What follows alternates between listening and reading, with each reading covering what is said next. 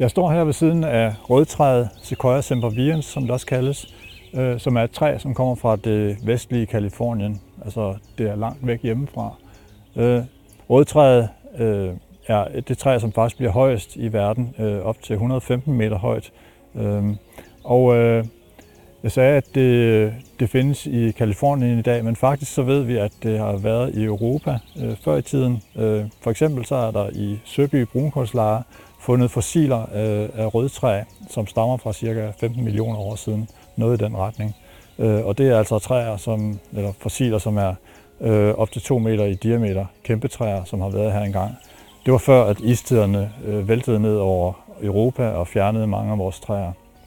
Så man kan sige, at øh, den øh, på den måde er kommet, kommet hjem igen her. Øh, rødtræet, øh, det lille rødtræ, der står her, er jo kun 12-14 meter højt, men øh, i virkeligheden, hvis vi kommer tilbage om 2000 år, så kan det være det verdens højeste.